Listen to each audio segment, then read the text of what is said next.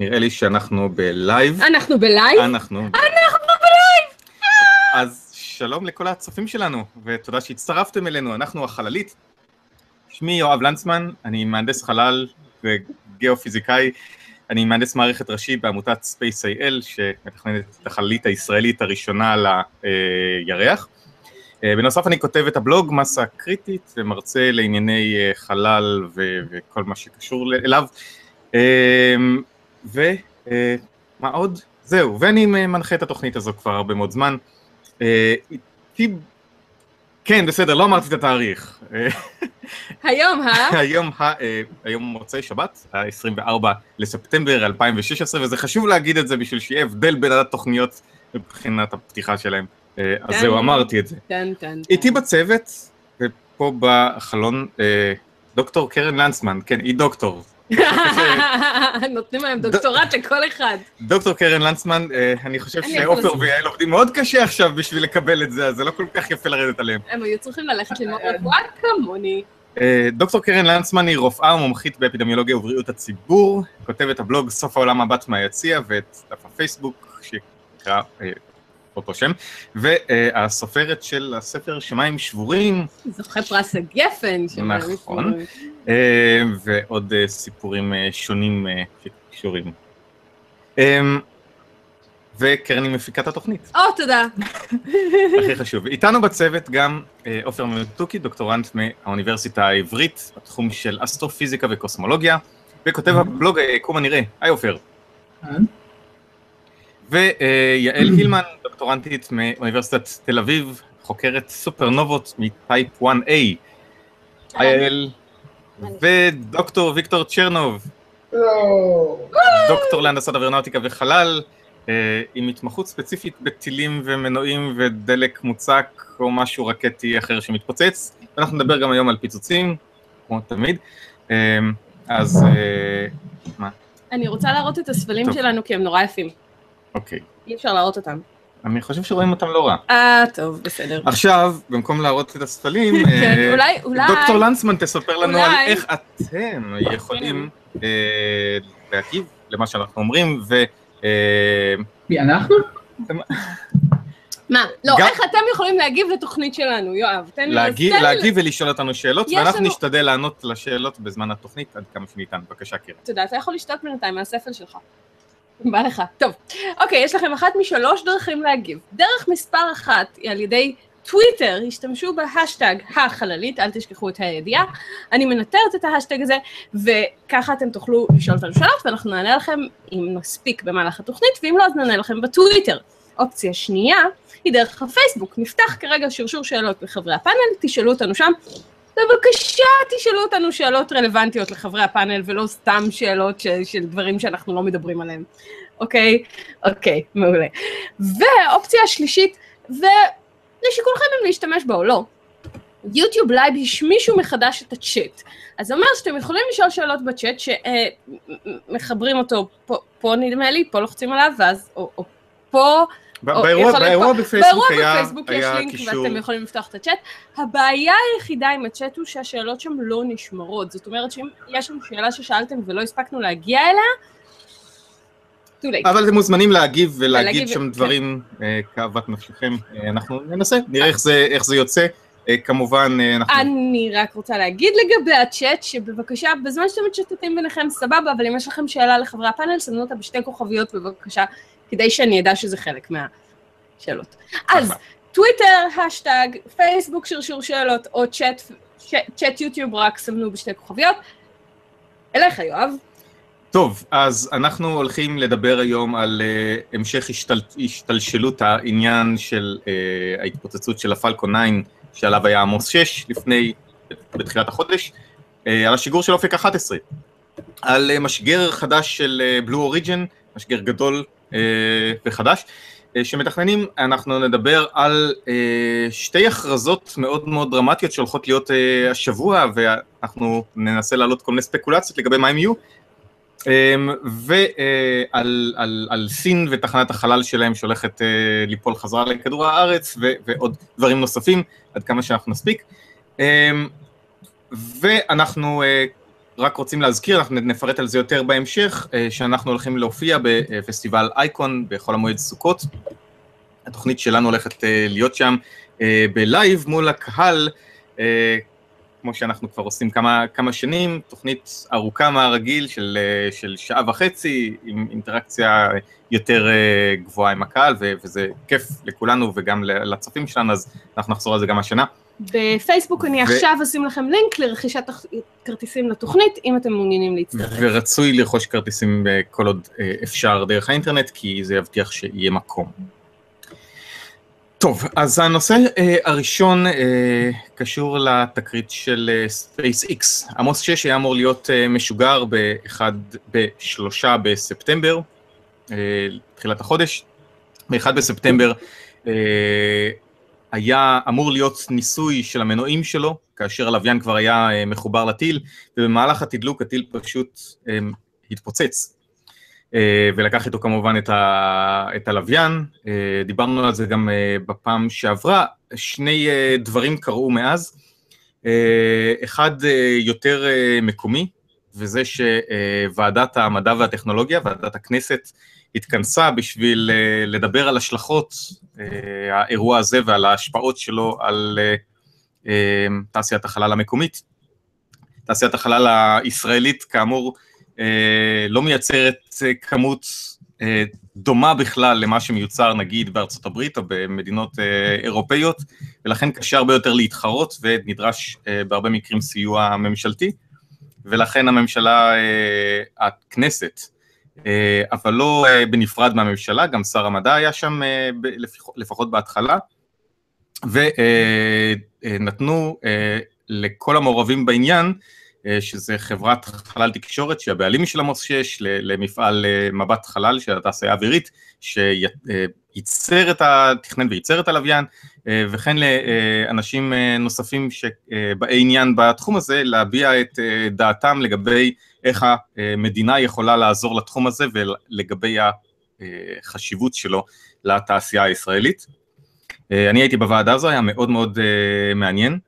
אני צריך להגיד שלא הרבה חברי כנסת היו שם, אה, מאחר וכנראה בגלל שזו הייתה, הייתה פגרה, אה, אבל היה שם אה, יושב ראש הוועדה, שהוא אורי מקלב וחיים ילין, ויואב קיש היה שם חלק מהזמן, ובסך הכל נשמעו הרבה קולות, כולם בעד כמובן שהמדינה תעזור בזה, והמדינה, אולי תופתעו לשמוע, מאוד מאוד בעד, מאוד, אה, זה מאוד חיובי, וזה שהכנסת והממשלה מסכימים על זה, זה גם אה, דבר טוב. אה, כמובן, יש פה עניינים של האוצר שצריך עוד לעבור בדרך, אבל לפחות לפי מה ששר המדע אמר, אז משרד האוצר גם כן בעניינים, ויש כוונה לאפשר את ההמשך של זה, בעיקר משום שאחת ההשלכות האפשריות היא שאם לא יוזמן לוויין חלופי בקרוב, בקרוב זה אומר אה, בטווח של אה, שבועות בודדים, אה, יכול להיות שזה ישפיע במידה מאוד גדולה ואפילו יחרוץ את גורלה של תעשיית החלל הישראלית, כאשר כשאין לוויינים לייצר, אז, אז אנשים פשוט מועברים לפרויקטים אחרים, וזה משהו שקשה מאוד לתקן בדיעבד. אז זה לגבי העניין המקומי, בעניין היותר אה, כללי, SpaceX אה, מנהלת חקירה לגבי מה שגרם לאירוע הזה, וממש אה, אתמול התפרסמה, התפרסם עדכון לגבי העניין הזה, וזה שיש חשד ברור. הם, הם אמרו ככה, הם מנהלים חקירה שהיא לא פנימית רק שלהם, אלא שותפים בה גם ה-FAA, שזה הסוכנות התעופה הפדרלית של ארה"ב, וגם נאס"א וחיל האוויר האמריקאי, ועוד אנשים שהם מומחים מתעשיות החלל והתעופה בארצות הברית. ואחרי שהם אספו את השרידים ועברו על התוצאות של הפיצוץ ועל הסרטים שצולמו, שמראים את הפיצוץ ואת הפרטים שלו, החשד uh, הוא על מערכת ההליום שנמצאת בשלב השני של הטיל.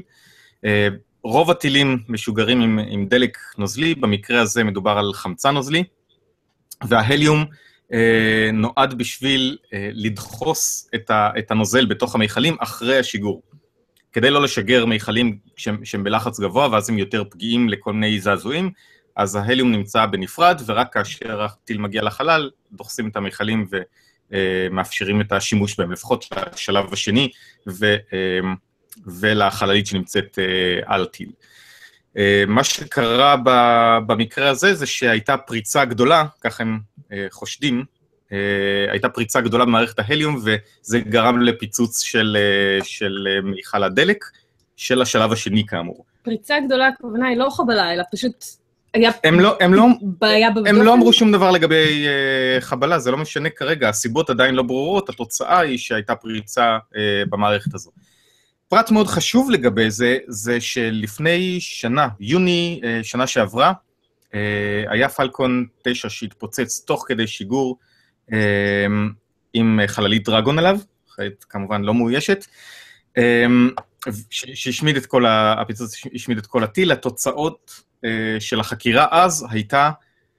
אה, אם תגיד פריצה גדולה של הליום, אז יהיה ממש מבאס. זה משהו מאוד דומה. אה, היה שם, היה שם מוט מבני שקרס, וגרם למערכת ההליום להתפוצץ בתוך המיכל ולפוצץ את שאר הטיל. ואפילו היה מי שהוסיף, אני לא בדקתי את זה, אבל זה ממקור שנחשב מהימן, שגם בתחילת הדרך של, היו שיגורים שנדחו בגלל דליפת הליום. ההינדנברג.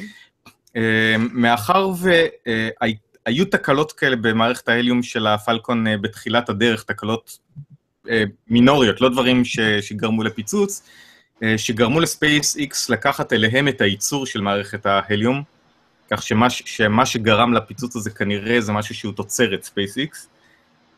ולכן אה, זה משהו שיכול להיות מאוד מאוד אה, בעייתי מבחינת התכנון אה, של הטילים האלה. זה גם אומר, למרות, SpaceX אומרים שהם מתכננים בנובמבר לחזור לשגר. השאלה היא האם, האם באמת אפשר לעמוד בזה, הם כרגע לא חוזרים בהם מההצהרה הזו. הם יכולים להחליף את זה. מישהו מתכוון לנסות לחפש תחליף להליום? זה, הבעיה היא לא ההליום, הבעיה היא המערכת שמחזיקה אותו כנראה. Okay. אוקיי. תחליף להליום בדרך כלל, זה, ההליום מצוין לתפקיד הזה, ויש מכלים שמחזיקים הליום בלי בעיה, יש את זה ברוב החלליות.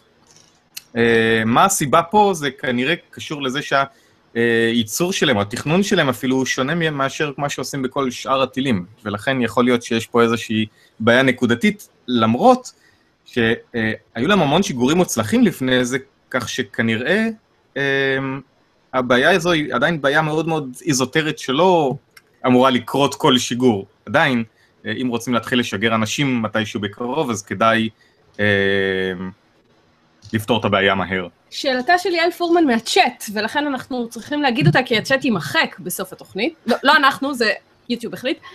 אה, האם הליום לא אמור להיות חומר שלא מתפוצץ בקלות? ההליום עצמו לא נסחר. המיכל שלו הוא, ש... הוא מה שמתבקע, ואז הלחץ בבת אחת עולה ו... ויכול לפוצץ את שאר הדברים שהם כן נפיצים בסביבה. זו התשובה. אה. אמ, אוקיי. אמ, אז זה לגבי SpaceX, אה, אנחנו uh, כנראה בקרוב נשמע עוד uh, תוצאות מוועדת החקירה הזאת, במיוחד אם בנובמבר הם באמת רוצים לחזור לשגר משהו. Uh, אז זה לגבי SpaceX ועמוס 6. עוד משהו בחדשות החלל המקומיות, אה, אופק 11 שוגר אה, לפני אה, כשבועיים, שבועיים? שבוע? אני כבר לא, לא זוכר מתי זה היה בדיוק. שבוע, שבוע. שבוע.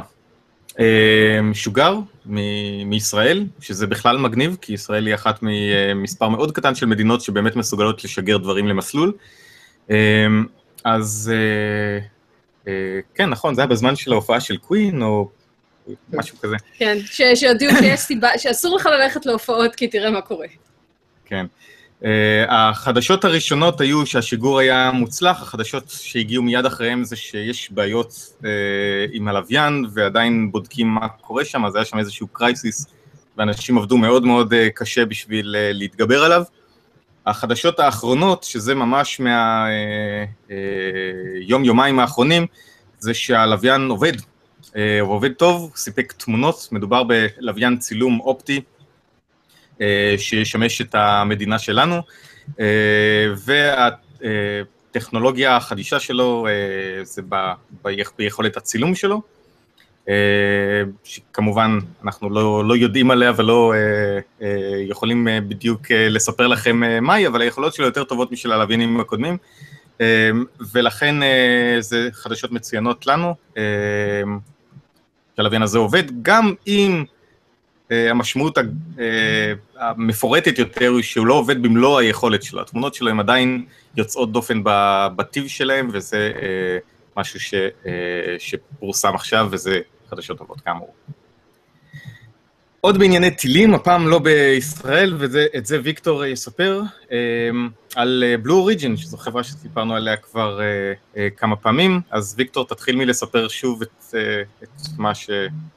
כן, אז, אז בלו אוריג'ין הם חברה שאנחנו מאוד, אני, אני מאוד מחבב, הם עשו ככה כמה, הם היו הראשונים שהנחיתו את השלב הראשון שלהם לפני SpaceX, השלב של, הראשון שלהם היה הרבה יותר קטן, והוא טס הרבה יותר נמוך, אבל עדיין. הם היו הראשונים, הם התחילו לבדות טיל שנועד לכאלה טיולים עד גובה 100 ומשהו קילומטר וזהו.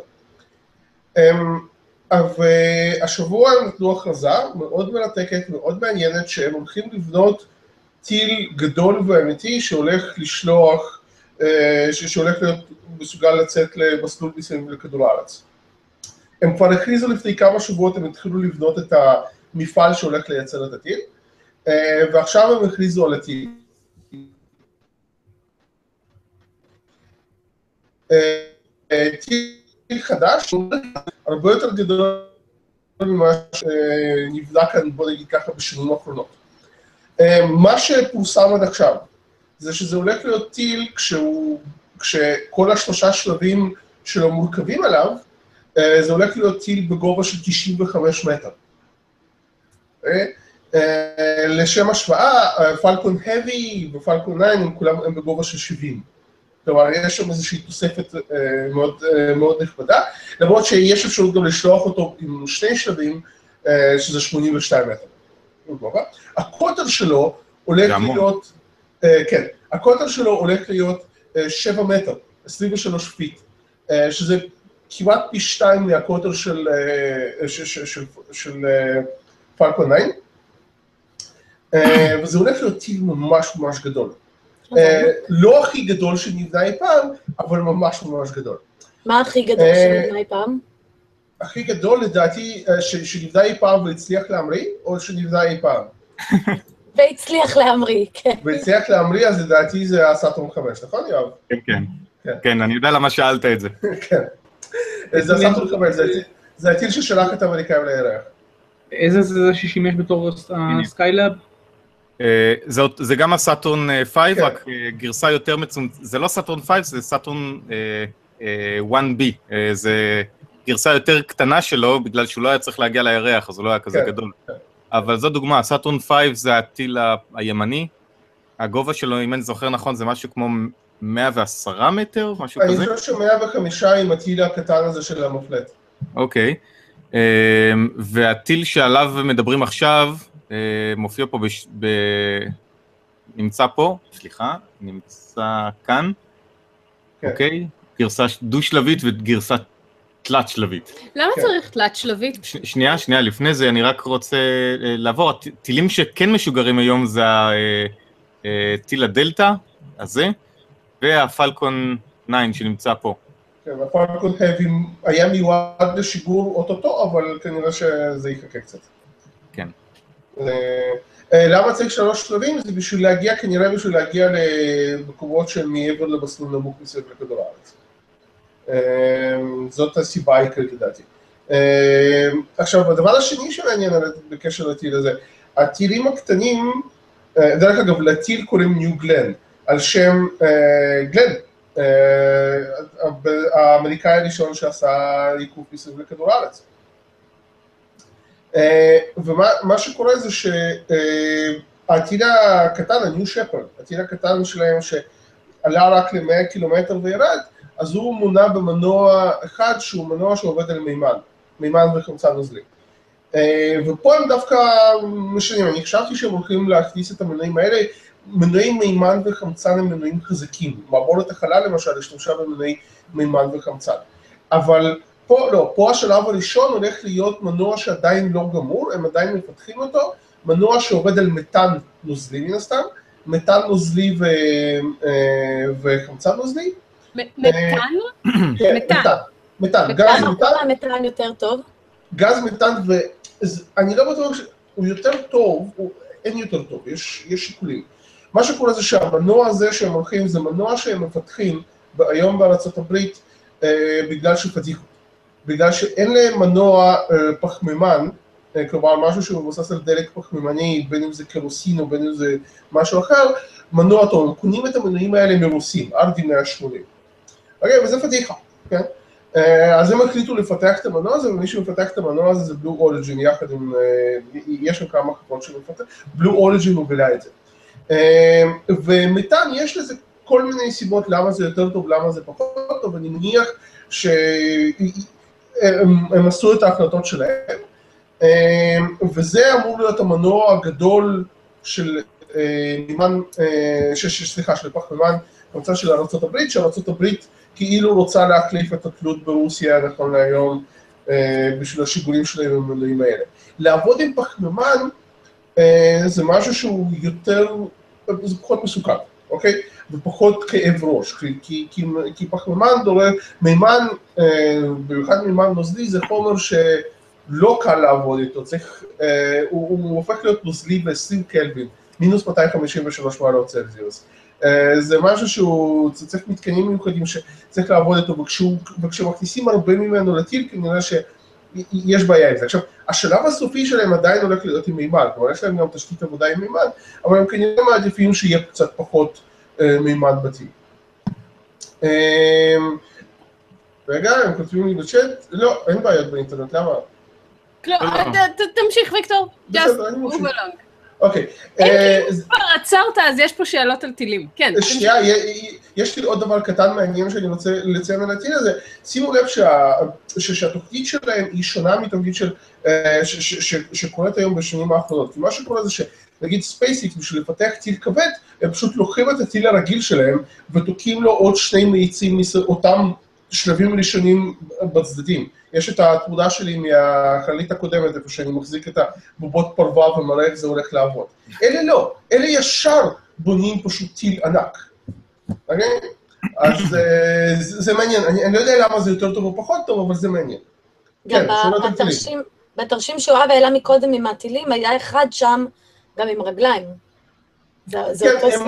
הם לא אמרו את זה, אבל אני מניח שהם הולכים להנחית את השלב הראשון. עכשיו כולם מנחיתים את השלב הראשון. ומכיוון שהם היו הראשונים שהנחיתו את השלב הראשון, כנראה שהם הולכים לעשות את זה. כן. אמ, אני- אני אני יכולה להעלות שאלה כן, מהפייסבוק? כן, כן, בשביל זה עצרתי, כן. מעולה. אז uh, סרגי אלימוב, שלדעתי זו הפעם הראשונה שהוא שואל שאלה בשידור, אז ייי, סרגי! האם- התוכנית. יקיר התוכנית וחביב ה- חביב הבלוג. כן. האם יש קפיצת מדרגה בביצועי הטילים הכבדים המתוכננים של SpaceX ו Blue Origin יחסית לטילים של תוכנית אפולו והמקבילה הרוסית? לא. אה, אנחנו הגע- אנחנו הגענו לקצה הפיזיקה. אה, לא, באמת. אומרת, אנחנו הגענו, העניין הוא כזה, אנחנו עובדים על ידי, העבודה היא ב... איך טילים עובדים? הם זורקים חומר אחורה. אוקיי? זה הרעיון. אוקיי? אה, ובשביל שזה יהיה יעיל יותר, וקפיצת מדרגה הם צריכים לזרוק את החומר אחורה ממש ממש מהר. הבעיה היא שאנחנו, כשאנחנו, כשאנחנו צריכים המון דחף, ואנחנו צריכים המון דחף בשביל לעלות למעלה ל- לגובה גדול, הדרך היחידה שלנו אה, לזרוק הרבה חומר בשביל שיהיה לנו מספיק דחף, זה על ידי שריפה. ושריפה, אנחנו מגיעים, אנחנו די הגענו לקצה גבול היכולת שלנו. עכשיו, אנחנו כן משפרים דברים, אוקיי? זה לא שאין שיפור. הם, אה, השיפור הוא בעלויות, השיפור, השיפ- השיפור הוא בקצת נצילות, השיפור הוא בפשטות המכונה ובכמה מהר אנחנו יכולים לעשות את זה. אבל, בשביל, אבל זה לא קפיצת מדרגה. כלומר, היום כשמתכננים טיל חדש, אם יש שיפור של נגיד 3% ביעילות, זה נהדר, זה כאילו, זה, זה, ממש טוב. על מנת שתהיה לנו קפיצת מדרגה, אנחנו מסתכלים על פיזיקאים. אוקיי? ופיזיקאים כרגע עופר, זה אתה אשם. אה, אני לא בטוח שאתה מדבר על מהנדסים, אבל... לא, לא, פיזיקאים, המהנדסים צריכים משהו חדש בשביל שהם יוכלו לעשות מזה משהו שמיש, כן? אבל אה, אנחנו נכון להיום, לצערי, הגענו לקצה גבול היכולת אה, שאנחנו מסוגלים לעשות, והשיפורים שנעשים הם שיפורים בעיקר בענייני עלות. ו- ו- ו- וכמו שאמרתי, פשטות וכל מיני דברים כאלה. אני רוצה אה, לערער על ההאשמה של הפיזיקאים. הפיזיקאים ימציאו לך פיזיקה חדשה כדי שיהיה לך קל לה- להנדס לזה מכשיר מתאים? אני כן. חושב שוויקטור כן, אומר שהוא מה רוצה- למצוא אה, איזשהו תהליך בעירה שאנחנו לא מכירים, או אז, יכולת לעשות תהליך בעירה חדשה. זה חדשה. מצוין, כי זה, זה מביא אותנו, זה מביא אותנו לנושא, לנושא אחר שהתכוונו לדבר עליו, וזה שביום אה, ביום שלישי אה, הולך להיות, הולכת להיות הרצאה מאוד מעניינת של אה, אילון מאסק, המנכ"ל של SpaceX, המנכ"ל והיזם והבעל החזון של החברה הזו. אה, ההרצאה הזאת תהיה במקסיקו, אה, ששם יש את ה...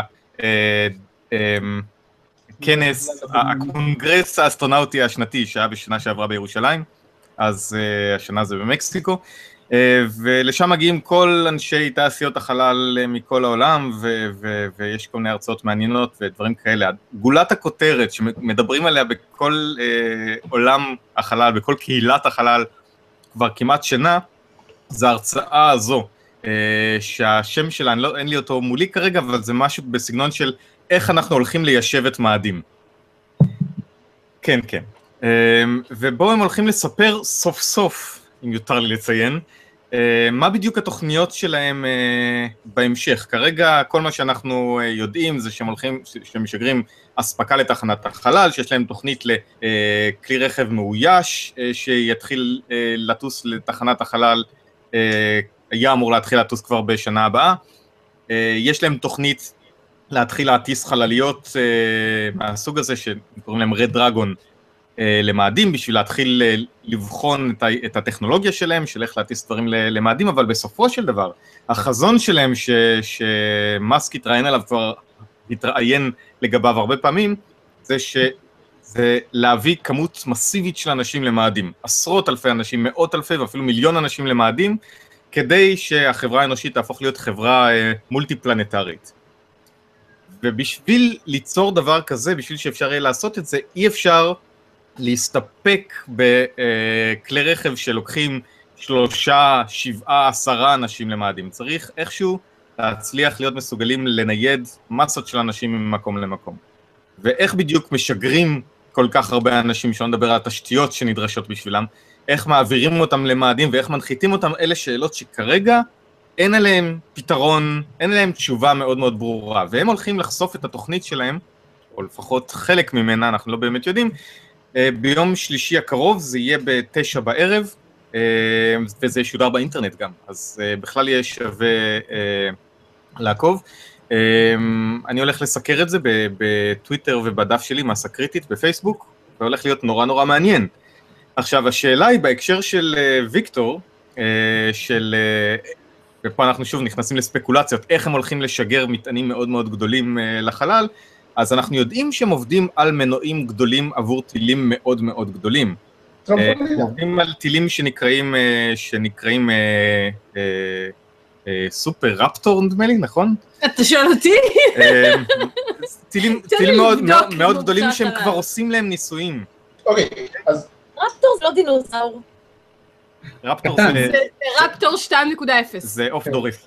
לא, אז, אז הנקודה היא כזאת, כלומר, כלומר, יכול להיות שכן יהיה לנו איזושהי קפיצה בביצועים של מבחינת כמה משקל אנחנו יכולים להרים בבת אחת, כלומר, נגיד לבנות טיל ממש ממש ענק, אבל מבחינת היעילות של המנוע, כלומר, כמה דלק וכמה מחמצן צריך ובאיזה, בסופו של דבר מודדים את היעילות במהירות של היציאה מהמנוע, אז בזה אני בספק שיש להם איזושהי פריצת דרך אה, אז- משמעותית. אז, אז, אני, אז אני רק אוסיף, אני, אני אוסיף ש... אה, אה, אילון מאסק כתב, או שהוא אמר את זה באיזשהו ראיון, אני קראתי את זה אתמול, ש, שהרעיונות האלה ייראו אה, מופרעים, משוגעים. אה, במבט אני ראשון. אני, אני, אני לגמרי מקבל את זה, כי גם הרעיון של טיל שנוחת מהחלל זה משהו שנראה משוגע לגמרי כשהוא הראה את זה בפעם הראשונה לפני לא הרבה שנים. אז, אה, ובכלל, להיכנס לתחום הזה של שיגורים גם היה מטורף בזמנו. אז זה לא כזה יפתיע אותי, אני פשוט תוהה האם אנחנו בכלל מדברים על טיל. אני נכון. אני אתפלא יש איזשהו רעיון ש, שאני, אה, אני, אני, אני סתם אזרוק את זה פה, אני לא, לא בדקתי את המספרים וכל זה, אלא משהו, למשל להשתמש בהייפרלופ בשביל לשגר דברים טרמפולינה. במסלול. מה? הרוסים אמרו לנו, טרמפולינה. טרמפולינה, כן. אני חושב שאחד הדברים, וזה נראה לי, אני אתפלא אם הם לא הולכים לדבר על אה, מסע בשני שלבים, שזה אה, משהו, אה, אה, העלאה למסלול סביב כדור הארץ, ומשם שיגור, אז באמת ה Hyperloop יכול להיות רלוונטי, אני לא חושב שה Hyperloop הוא רלוונטי במיוחד לשיגור אה, מכדור הארץ, הרעיונות. זה לא, זה לא רעיון אה, חדש כל כך, יש כל מיני רעיונות באמצעות אה, אה, אה, מסילות מגנטיות, maglev וכל מיני רעיונות כאלה, של להאיץ מטענים לא, ב, לא בתאוצות מאוד גבוהות, אלא תאוצות שאנשים מסוגלים לשהות בהם. אה, ההייפרלופ זה באמצעות לחץ אוויר. אה, ופשוט, אה, פשוט אם אתה מאיץ משהו על פני מס, מרחק מספיק גדול, אתה מגיע למהירויות מאוד מאוד גבוהות. אז עקרונית, פיזיבילית, הדבר הזה הוא אפשרי, השאלה היא לאיזה גובה אתה צריך להרים את זה בשביל שזה יוכל אה, לקרות. אני חושב שזה- כמובן לא שזה- היחידה הבדיונית להגיע לחלל. לא, כמובן, אבל אני חושב שהוא יהיה הרבה יותר רלוונטי, ואני חושב שגם ברגע שנדבר על הרבה מאוד אנשים, יהיה הרבה יותר רלוונטי לשגר אותם אה, אה, ממסלול, כי אתה לא רוצה להעלות את כולם בבת אחת, ב- כאילו, כל המסה הזאת צריך כמות מטורפת של, של אה, אה, תאוצה וזה, עדיף לך להעלות אותם למסלול ולשכן אותם באיזושהי תחנת חלל או משהו כזה, ואז להעמיס את כולם. נכון, אבל אם, אם הכוונה היא לנייד נגיד 100 אנשים למאדים ביחידה אחת, ואתה מעלה אותם בקבוצות של שבעה אנשים, אז זה המון המון שיגורים. זה, זה משהו שאין, לא, לא ברור איך מישהו יהיה מסוגל לדבר כזה. אה, ובטח לא על לפרוס את זה על הרבה זמן כמו, כמו המרווח בין שיגורים שיש היום. מה יעשו האנשים שכבר עכשיו נמצאים במסלול אה, ומחכים? אה, זה, זה, מקימים שם נשמע- ספה, זה לא בעיה. נשמע קצת בעייתי. כמובן שאי אפשר גם יהיה לדבר על תוכניות מאוד מאוד גרנדיוזיות בלי לדבר על איך בדיוק יושג המימון אליהם, כי אנחנו מדברים על משהו שהוא סדר גודל שמדינות לא מסוגלות לעשות את זה, אלא אם כן הן משתפות פעולה יחד. אז אה, צריך להראות גם איזושהי, איזשהו בסיס עסקי לדברים האלה. anyway, זה היה רק על קצה המזלג, אנחנו כמובן אה, יכולים רק אה, לנחש ולהעלות ספקולציות, ונראה מה יהיה ביום שלישי, נקווה שיהיו דברים אה, מגניבים ומעניינים כמו שבדרך כלל SpaceX יודעים אפשר, לספק. לטובת, לטובת כל הצופים שלנו שבדיוק עכשיו מתחילים לחפש את ה event בפייסבוק, אפשר יהיה לראות את הנאום באופן ישיר, בשידור ישיר, על ידי התחברות ל... על ידי התחברות. לא יודעת, אני יש דרך. לראות את האירוע הזה באופן ישיר?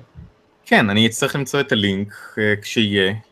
אני לא זוכר שראיתי שיש כבר לינק, זה אבל היה- כשיהיה, זה היה, אני מסנג'רת את יואב לשים לינקים. אז אני אשים לינק ב... עקבו אחרי דף החללית. ותמצאו חללית, את הלינק. תוכנית אינטרנט אינטרנט. על החלל. על החלל, אם תעשו לנו לייק זה יקפוץ לכם מיד.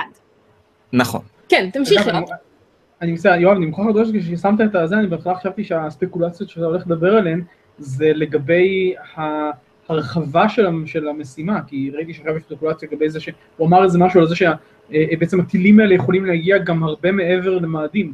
אז עכשיו כן, מדובר, האם, האם זה כבר היה- הולך להיות... אה, הטיל העתידי הזה, שעד עכשיו כינו אותו אה, MCT, שזה מרס קולוניאל טרנספר, אה, בלי אומרות בכלל, אה, הוא פרסם לאחרונה שהביצועים של הטיל הזה, לפי אנליזות שהם עושים, הם מרחיקי לכת הרבה יותר ממה שהם חשבו שהם ייתנו, ולכן השם שלו, הוא ביקש הצעות לשמות ב- בטוויטר, ואנשים כמובן קפצו על ההזדמנות, אז עכשיו זה Interplanetary Transfer System נדמה לי, או משהו כזה. בסוף בטח הם יקראו לזה בשמות כמו של, ה, של הספינות ש, של, שהטילים נוחתים עליהם, בשמות של ספינות חלל מ...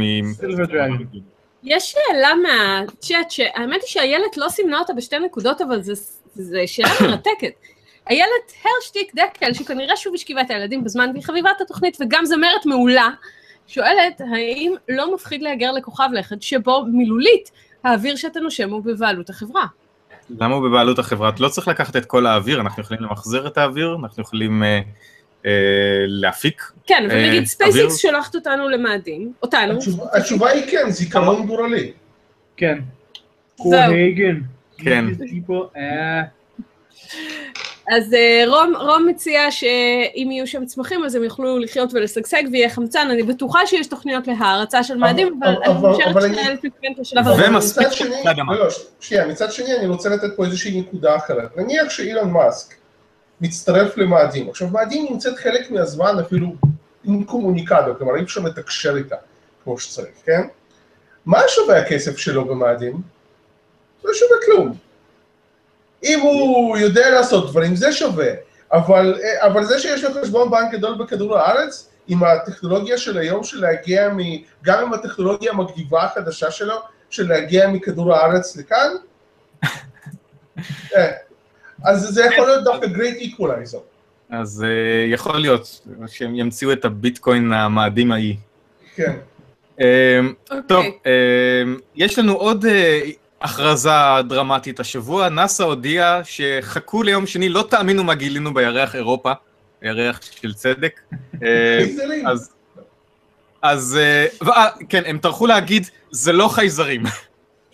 יש הנאסא האלה. עכשיו, קודם הורסים לנו את גלגל המזלות.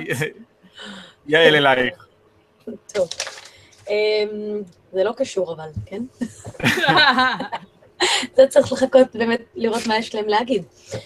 אמ, לפני כמה חודשים, אפילו יותר מכמה חודשים, אני חושבת שעופר דיבר על איזשהו כוכב שיש לו שינויים מאוד מוזרים בבהירות, והמסקנות כמובן היו בסופו של דבר שיש שם חייזרים וכל זה, כן? אוקיי. אמ, אז אני אזכיר רגע. מה שהיה שם זה, כש, כשיש כוכב ועובר מולו, אה, ועובר פלנטה, זה, כלומר זו מערכת שמש של פלנטות, השינויים בבהירות, סדר גודל של אחוז אחד. פה ראו סדר גודל של 20 אחוז בשינויי בהירות. זה לא פלנטה. אה, לא היה שום הצעה טובה מה זה יכול כן להיות, כן? אה, אז זה פשוט נשאר בגדר תעלומה ומשהו שחוקרים אותו מאז. אה, משהו נוסף שהיה מוזר בכוכב הזה, זה שלאורך השנים, זאת אומרת, הסתכלו עליו אחורנית במאה השנים האחרונות, ולאורך השנים ראו גם שיש ירידה בבהירות, שזה גם סימן שאלה שלא פתרו אותה. עכשיו, לפני כמה שבועות מצאו עוד חיה כזאתי, בלי קשר אליה, מקום אחר, עוד חיה כזאתי, הסתכלו עליה לכמה חודשים וראו ירידה של 65 אחוז בבהירות למשך אה, 20 ומשהו ימים רצופים. אין הסבר. Um, עכשיו אני אחזור, אה, אה, אוקיי, עכשיו רגע, שנייה. Uh, הסבר אחד שיכול להתאים גם אליו וגם אליו, um, שקשורה לעובדה ששניהם כוכבים מאוד צעירים, 11, מיליאר, uh, 11 מיליון שנים, 10 מיליון שנים, משהו כזה. בגלל שהם עדיין צעירים, מאוד יכול להיות שעדיין יש הרבה גז, כלומר עדיין יש איזשהו um, דיסקה פלנטרית סביבו שעוד לא לגמרי התנקתה, ואם היא בזווית הנכונה והיא מסתובבת, היא יכולה לעשות הפרעות כאלה. זה יכול להיות תשובה לא מאוד מעניינת, אבל זה יכול להיות תשובה. אבל אנחנו עדיין צריכים להסביר את, ה, את הירידה ההדרגתית לאורך הרבה שנים של הראשון. חוץ אז הראשון- במבני על... אה, נכון, חוץ מחייזרים, אנחנו מחפשים תמיד אופציה לחייזרים, לא רק חייזרים. אז יש קבוצה שחוקרת את הכוכב הראשון כבר מאז שגילו אותה, והם מנתחים המון את העקומות אור שלו, והם גילו שבנוסף לירידות המוזרות האלה של ה-20 אחוז שראו, יש עוד איזושהי קבוצה של ירידות קטנות יותר עד 7 אחוז. אז הם התחילו לחקור את זה ולבדוק את ההבדלים, והם גילו שהירידות האלה של ה-7 אחוז בבהירות, הן גם זזות. כלומר, הן לא בדיוק בדיוק באותו מקום. כלומר, כנראה זה כוכב אחר. כלומר, יש את הכוכב, קוראים לו טאבי לכוכב הזה, שהוא עושה את הירידות של ה-20 אחוז, ובאותו קו מאיתנו, ממש כמעט באותו קו ישר עם סטייה קטנטונת, יש עוד כוכב שעושה ירידות ב- בסדר גודל של 7 אחוז. עכשיו, העובדה שהם נמצאים באותו קו והם מתנהגים בצורה מוזרה אותו דבר, הובילה אותם למסקנה שכנראה המקור הוא לא בכוכב עצמו, אלא איזושהי הפרעה בינינו לבין הקו. כלומר, באיזשהו... שני ה- הכוכבים האלה נמצאים בקו ישר מאיתנו רחוק אי שמה, איפשהו במסלול יש משהו שמפריע. רגע, רגע, אז אה, אנחנו יכולים להוציא הודעה לעיתונות שיש הפרעה בין כוכבית, בינינו לבין הכוכב הזה? אוקיי, הפרעה לא, לא הכוונה, חייזרים שוב, ממסכים שוב, לנו את לא הקצת, חייזרים. לא חייזרים, כן, לא חייזרים, אה, אלא הם חושבים שזה יכול להיות אה, שביט, פלנטואיד, איזשהו ענן, משהו שאנחנו לא יכולים לראות. במערכת השמש ההיא. לא בשום מערכת השמש, זה בדיוק מה שהקטע. נכון שבדרך כלל הדברים האלה שאמרתי נמצאים במערכות שמש, אבל קורה ש... ששביט מקבל איזשהו מכה ומועף ממערכת השמש. כן. והוא מסתובב לו אי שם, באמצע שום מקום, אי אפשר לראות אותו, כי אין שום כוכב באזור כדי להעיר עליו, והם אומרים, כן, זה משהו שסביר שיכול להיות, יכול להיות שיש מיליוני שביטים שמסתובבים להם מחוץ למערכות שמש, ולא רואים אותם, כי פשוט אין מה שיעיר עליהם. זאת אומרת, זאת, זאת לא הייתה הצעה היסטרית, זאת הצעה שיכולה להתקבל. עכשיו, הם פרסמו את הרעיונות האלה שלהם כמאמר בארכיב, כלומר לא ב, עדיין לא פרסמו ב, בעיתון מדעי, כי הם רוצים פידבק, הם רוצים שאנשים יגיבו, ש, שאולי ייתן רעיונות להמשך מחקר, להמשך כיוון. ואותו אסטרונום שאמר בטח זה חייזרים, הוא בא ואמר, וואו, זה נשמע באמת את, אה, הסבר הגיוני, שמשהו מפריע. והוא אמר שהירידה ההדרגתית הזאת יכולה גם להיות, לא שביט, יכול להיות גם איזשהו ענן גז, שבדיוק נע ככה לאט, ומתחיל לחסום לאט לאט את הקו ראייה בינינו לבין הכוכב ההוא, ובגלל זה יש ירידה הדרגתית. אמ, להוכיח.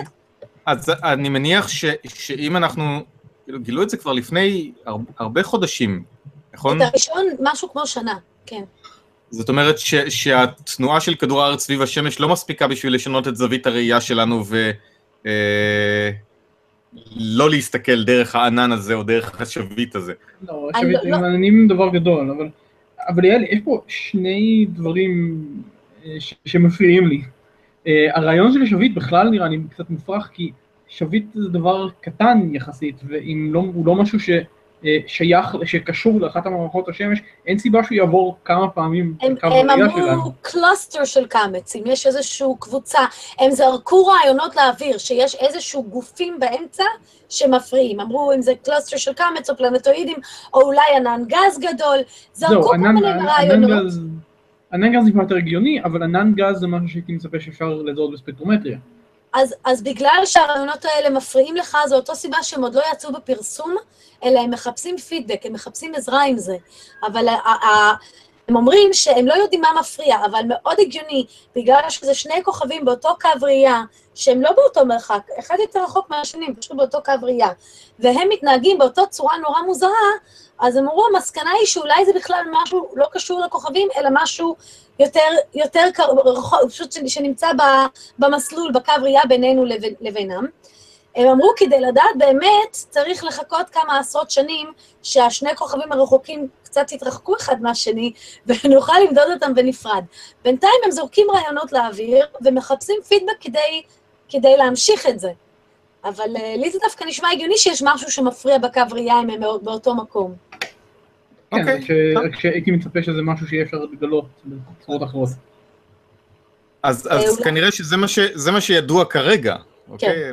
אנחנו נשמע עוד עדכונים על זה בהמשך, כי זה נושא מעניין, גם אם זה לא משהו שכרגע אה, אה, נע במהירות לעבר כדור הארץ, נכון? גם אם זה לא חייזרים. כן. גם אם זה לא חזרים. אמ, אז אה, אני, אני רוצה בכל זאת לחזור לעניין של ההכרזה של נאס"א לגבי הירח אירופה. אוקיי? אמ, כאמור ביום... לאי ביום- הכרזה של נאס"א לגבי הירח של אירופה. מה? לאי הכרזה של נאס"א. תהיה הכרזה ביום שני. נכון. אה, הירח אירופה, הדבר העיקרי שמיוחד בו זה זה שיש בו כמות מים מאוד מאוד גדולה אה, מתחת לפני השטח, יש לו מעטה קרח אה, בעובי של קילומטרים ש, שמכסה עליו, ותמיד מדברים עליו בכל מיני ספקולציות של האם במים הנוזליים שיש מתחת לפני השטח, שהם, הסיבה שהם נוזליים זה כי חם שם יותר, יכולים להיווצר חיים. התשובה עקרונית היא כן, עד כמה שאנחנו יודעים, אנחנו פשוט לא יכולים להגיד שיש שם חיים עד שאנחנו לא נבדוק את זה. אמ, ולפני כמה זמן, לפני די הרבה זמן, אני זוכר, כי אנחנו דיברנו על זה בתוכנית, הייתה תצפית של האבל, אני חושב, אה, על הירח הזה, וחשבו שראו גייזרים מתפרצים שם.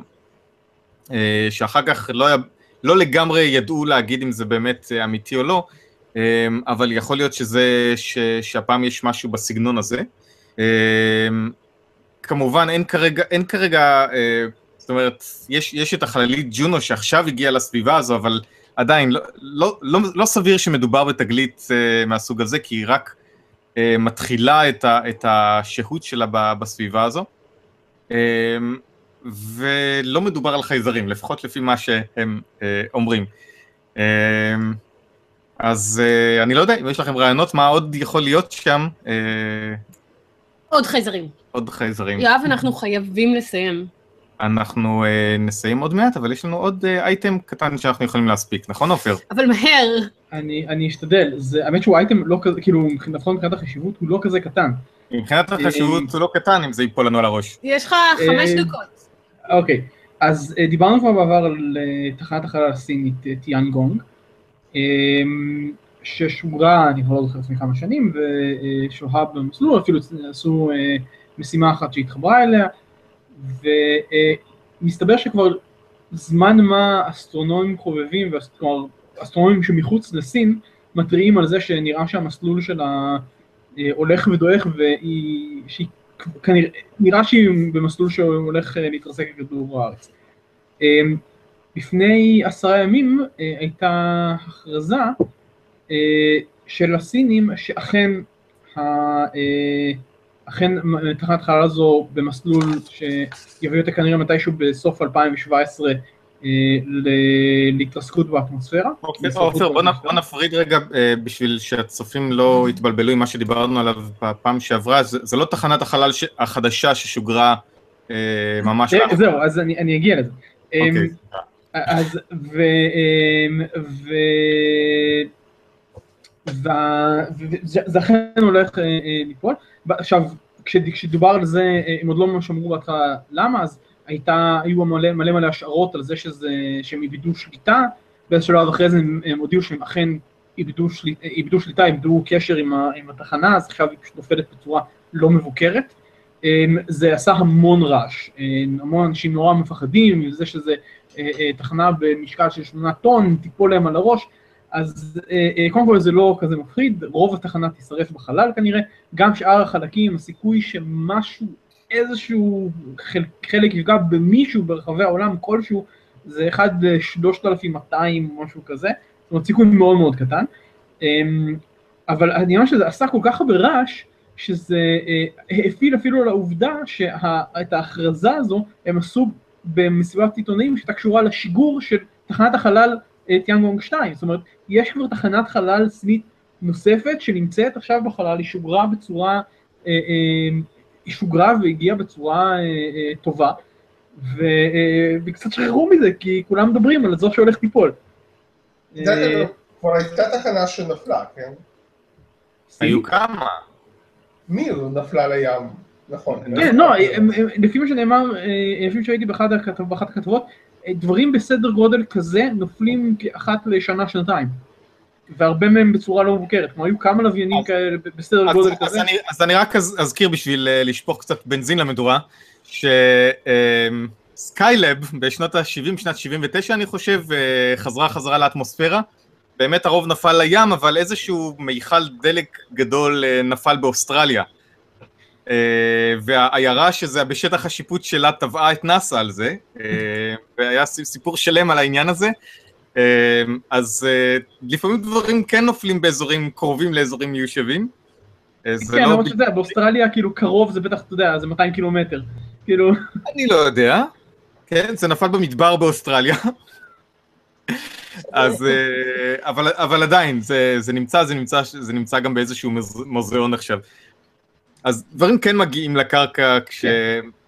זה, אבל אנחנו מקווים שהדברים שמייצרים אה, היום, אה, זה מצחיק, דברים שיוצרו בסין נשרפים באטמוספירה יותר בקלות. אה, זה- זה- זה דבר אחד, גם כנראה שיש יהיה פחות דברים שיגיעו לכדור הארץ, אבל גם אז צריך לזכור, יש לנו שני שליש מה- מהכדור הארץ בכלל מכוסה בים, גם מתוך היבשה אנחנו מכסים שטח מאוד מאוד קטן מיושב, הסיכוי שזה באמת יפגע במשהו... אה, כן, אה, הסיכוי הוא-. הסיכוי הסיכוי הוא באמת מאוד מאוד קטן, ואנחנו גם לא... אה, אה, הנ- הנקודה היא שממש עד הרגע האחרון אי אפשר יהיה באמת לדעת איפה זה נכון. ייפול. ועוקבים עוקבים אחריה כל הזמן, ומנסים כל הזמן לחשב, אבל זה ייקח זמן עד שידעו באמת מה קורה. אתם בינתיים מפסידים בצ'אט דיון מרתק לגבי מתי השבת נכנסת על מאדים, ואיך קובעים את זה לפי הירח, בהתחשב בעובדה שלמאדים יש שני ירחים. לדעתי באייקון יש פאנל שלם על אה, קביעות הלכתיות אה, במדע הבדיוני ובמצבים כאלה. אהוד אה, הייתה גם מימון הרצאה נפלאה של... אה, אהוד מימון יכיר את תוכנית וחביב הבלוג, ולשם שינוי אין לי סיפור בעריכה אצלו, אז אני באמת יכולה סתם להיות נחמדה אליו. הוא כבר נתן לינק לאירוע והכל. בכל מקרה, אנחנו חייבים לסיים. אוקיי, אז אנחנו שוב נזכיר לכם, אנחנו נשים עוד לינק, אם עוד לא שמת כבר ב- בדף האירוע, לגבי האירוע של החללית באייקון. אנחנו... שמתי כולל הסברים איך לקנות כרטיסים, מה, מי אתה חושב אז אני שיש לך רק פה אסביר את עסק? המוטיבציה, כדאי לכם לראות אותנו אה, בלייב, אה, פאנל אה, מאוד עם משעשע, מכנסיים. כבר כמה שנים בכ- בכנסים, וזה תמיד יותר כיף לפגוש אתכם, אז, אז תבואו, יהיה, יהיה ממש מגניב. היא ממש מגניב. אז תודה שצפיתם בנו. אה, אנחנו החללית, אנחנו משדרים את התוכנית במוצאי שבת פעם בשבועיים, אז יש לנו עוד פעם אחת לפני חול המועד סוכות. יש לנו עוד פעם אחת לפני אייקון סופי. זה אני- בין החגים יוצא. אני יוצא. מיד אחרי יום כיפור או משהו אני, כזה. אני לא יודע, אבל אני שאלתי אותך לפני כמה שעות ואמרת לי כן. אז כן, אז יש, ואם אה, לא, זה באשמת קרן. כי, כי, כי... כי היא קובעת את לוח אחרי השנה. אייקון אמור להיות, אמורה להיות לנו עוד תוכנית, והיא לא תהיה כי יהיה לנו את האירוע בכנס. אז, ז- התוכנית של סוכות לא תקרה, אבל לפני זה יש עוד. אז אה, אה, זהו, אז תודה רבה, אנחנו מאוד נשמח אם אתם כבר בצ'אט, אז תעשו לייק לסרט, לס- לסרטון כן, של תעשו יוטיוב. לנו לייק, תעשו share, תחלקו את האירוע, תעשו attending, כל הדברים האלה יגרמו לתוכנית להופיע בפיד של חברים שלכם, ואז גם הם ישמעו על החללית, ואז תוכלו לדבר איתם על מהו מועד כניסת השבת במאדים, בהתחשב בעובדה שאתם חיים מתחת לאדמה ושואפים חמצן שיוצר על ידי ספייסיקס. ותוכלו לנחם אותם כשלא יהיו להם כרטיסים. או כאשר תחנת החלל הסינית תרסק לכם פתאום על מקום היישוב שלכם, כי היא יוצרה על ידי סינים. זה, הם עושים דברים נפלאים הסינים האלה, אז, אז אנחנו לא נזלזל להם, לפחות בכל מה שקשור בחלל. יעל פורמן, תצלמי את כל הצ'אט. אז אה, שיהיה לכם אה, לילה טוב, ואנחנו אה, נתראה בעוד שבועיים. אז שיהיה לכם חג שמח. חג שמח, ראש השנה שמח, ביי. וזהו, וביי. ביי. ביי.